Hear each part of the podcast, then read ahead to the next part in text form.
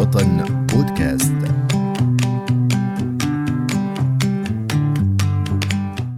أهم ما يحتاجه الكيان أو الحزب أو المؤسسة وحال انعدامها تغلي المجتمعات وتثور. ترفض بعد شجب واستنكار؟ بعد عدم اقتناع أو تقييم بالفشل. إنها الثقة السياسية. حال وجودها يستند إليها في المسار وحال فقدانها يتأرجح الحزب أو الكيان.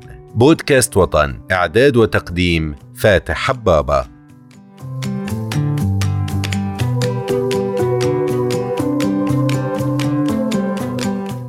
يعد مفهوم الثقة السياسية أحد المفاهيم المهمة في ظل ما نشهده من أزمات واتساع فجوة الثقة السياسية بين المواطنين والدولة، فضلاً عن اتساع دوائر عدم الثقة بين أفراد الكيان أو المجتمع، وتمثل الثقة السياسية جزءا جوهريا من برامج البحث في العلوم الاجتماعية وبالأخص العلوم السياسية حيث أجمع علماء السياسة في الكثير من الأدبيات على أهمية بنائها. حول هذا المفهوم في سوريا تحديدا يسعدني أن أرحب بضيف رئيس الهيئة السياسية في إدلب سابقا الأستاذ رضوان الأطرش. أهلا ومرحبا بكم معنا في هذه الحلقة أستاذ رضوان. آه، حياكم الله. السلام عليكم ورحمة الله وبركاته. وعليكم السلام ورحمة الله. في البداية لو أردنا أن نعرف الثقة السياسية ما هو التعريف آه، لهذا المصطلح؟ في الحقيقة هناك مجموعة من التعاريف حول هذا المفهوم ويمكننا أن نعرف الثقة بشكل عام على أنها جزء من النسيج الاجتماعي والمعرفي والسياسي لدى أي منظمة أو يمكن أن نقول بأنها رأس المال الاجتماعي. وهذه الثقة تحتاج إلى علاقة تفاعلية وبناء تنظيميا معقدا بين الأطراف المشاركة.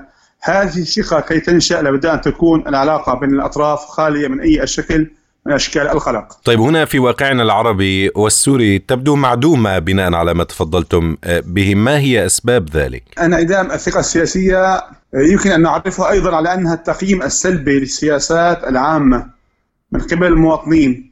آه، عندما يرى المواطن هناك عدم تجانس أو عدم توافق بين الواقع والمأمول يحصل بشكل مباشر انعدام لهذه الثقة.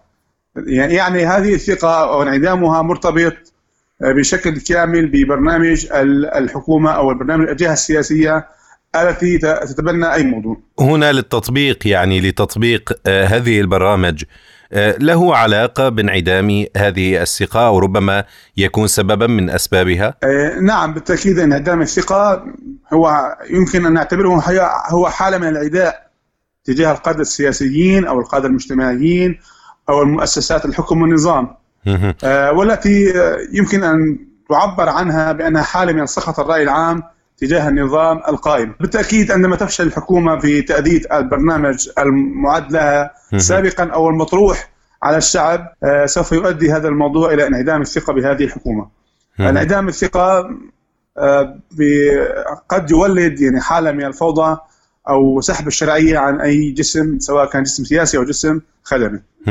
الثقة السياسية آه، أستاذ رضوان تعتمد على آه، تقييم المواطنين. لمدى التزام السلطات والمؤسسات السياسية كما تفضلتم بتنفيذ ما وعدت به وفقا لتوقعاتهم المعيارية؟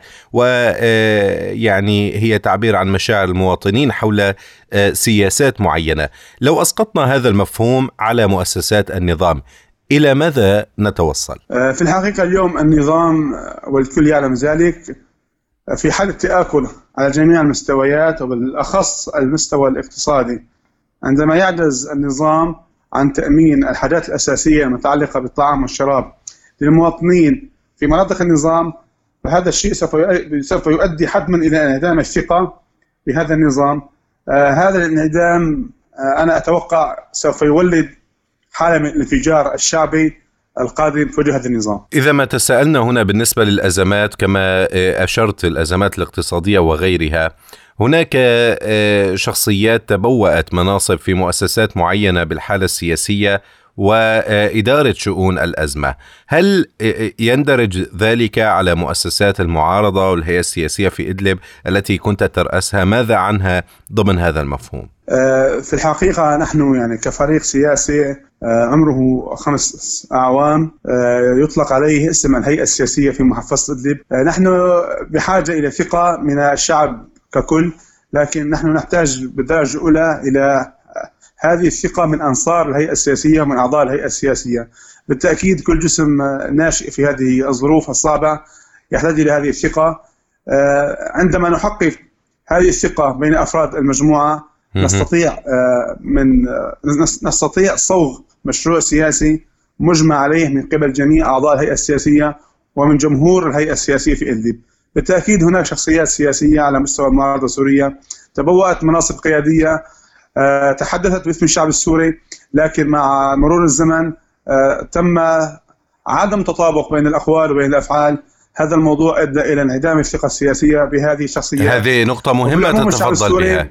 الذي ضحى بكل ما يملك اليوم يبحث عن شخصيات سياسية يضع فيها ثقته كي تكون هذه الشخصيات هي الملاذ الآمن له لتخليصه من الحرب الحادثة الجارية حاليا وتخليصه من الأزمات المتلاحقه لا قدر الله. نقطة مهمة تتفضل بها أستاذ رضوان وهي آه، انعدام الثقة أو انعدام الثقة بين آه، أفراد آه، كيانات بعينها ربما تكون غير موجودة.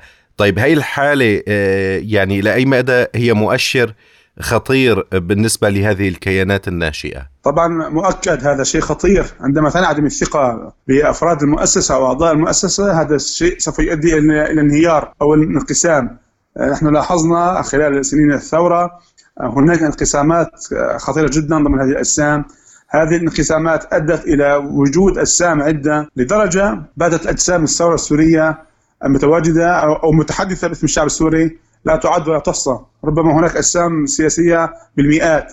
هذا الموضوع آه، بالتأكيد يؤثر على الشعب ككل وكما أسلفنا الشعب بات يفقد ثقته بمن يمثله. طيب هنا كيف يمكن إعادة الثقة لهذه المؤسسات إذا آه، ما كانت هي ذاتها بين آه، يعني آه، أفرادها هناك يعني خلينا نقول خلل إذا ما قلنا انعدام؟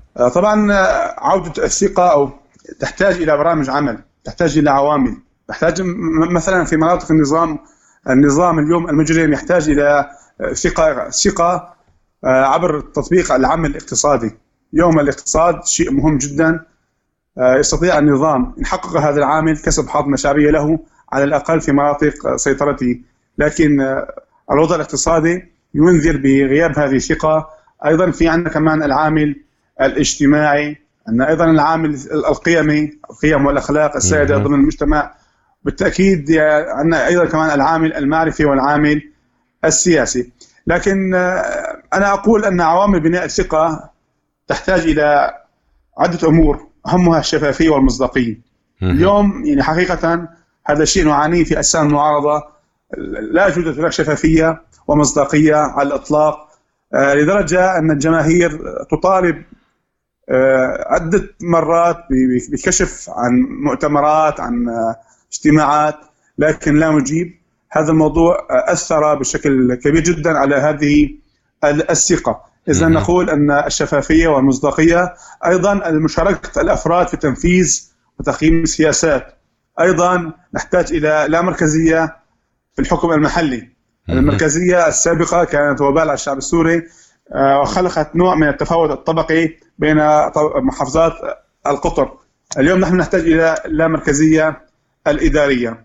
أيضا نحتاج إلى تفعيل الحراك السياسي.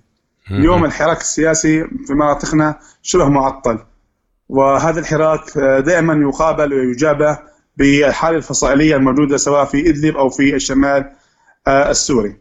بالإضافة للمجتمع ككل يحتاج إلى مزيد من الخدمات التي تلبي الحد الأدنى من مقومات الحياة.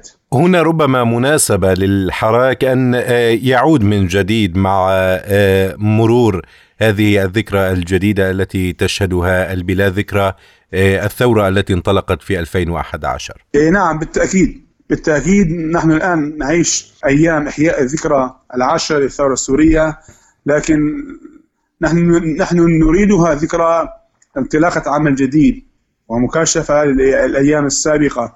آه، لا نريدها عبارة عن أفراه وفقط لا غير. نريدها عبارة عن برنامج عمل مقدم من الاجسام السياسية لهذا الشعب. هذه البرامج آه، نستطيع من خلالها كما أسلفنا العبور باتجاه الحرية باتجاه الديمقراطية والخلاص من هذا من هذه الحرب. والخلاص من مواد التقسيم باتت تلوح بالأفق. طبعا نحن كثورة سوريه كثورة سورية ما خرجنا كي نقسم سوريا ابدا بالعكس خرجنا لاسترجاع الدولة التي كانت مغتصبة منذ عقود من قبل عائلة طائفية سخرت هذه البلاد الغنية لصالحها الشخصي ربما ما أوصل الثورة السورية هنا آه، أستاذ رضوان يعني مع مرور آه، يعني عقد عليها. ما أوصلها إلى آه، انطلاقها وانفجارها في 2011 هو انعدام الثقة السياسية بين الشعب السوري ومؤسسات النظام. نعم بالتأكيد بالتأكيد. الفجوة الكبيرة جدا بين الدولة وبين المجتمع بين الشعب حققت هذه الانفجارة الثورية المميزة. لأننا بالتأكيد الدولة هي دولة الشعب. لكننا عندما نرى نرى أن هذه الدولة مغتصبة لابد من حصول انفجار ضد هذه الدولة. نعم صحيح.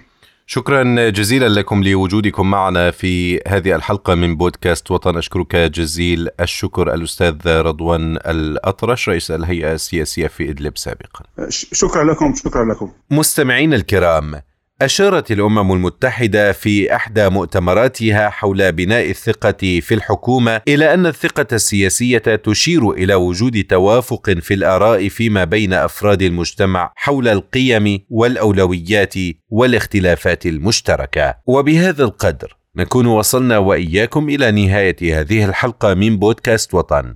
ها هو فاتح حبابة يحييكم. دمتم في أمان الله.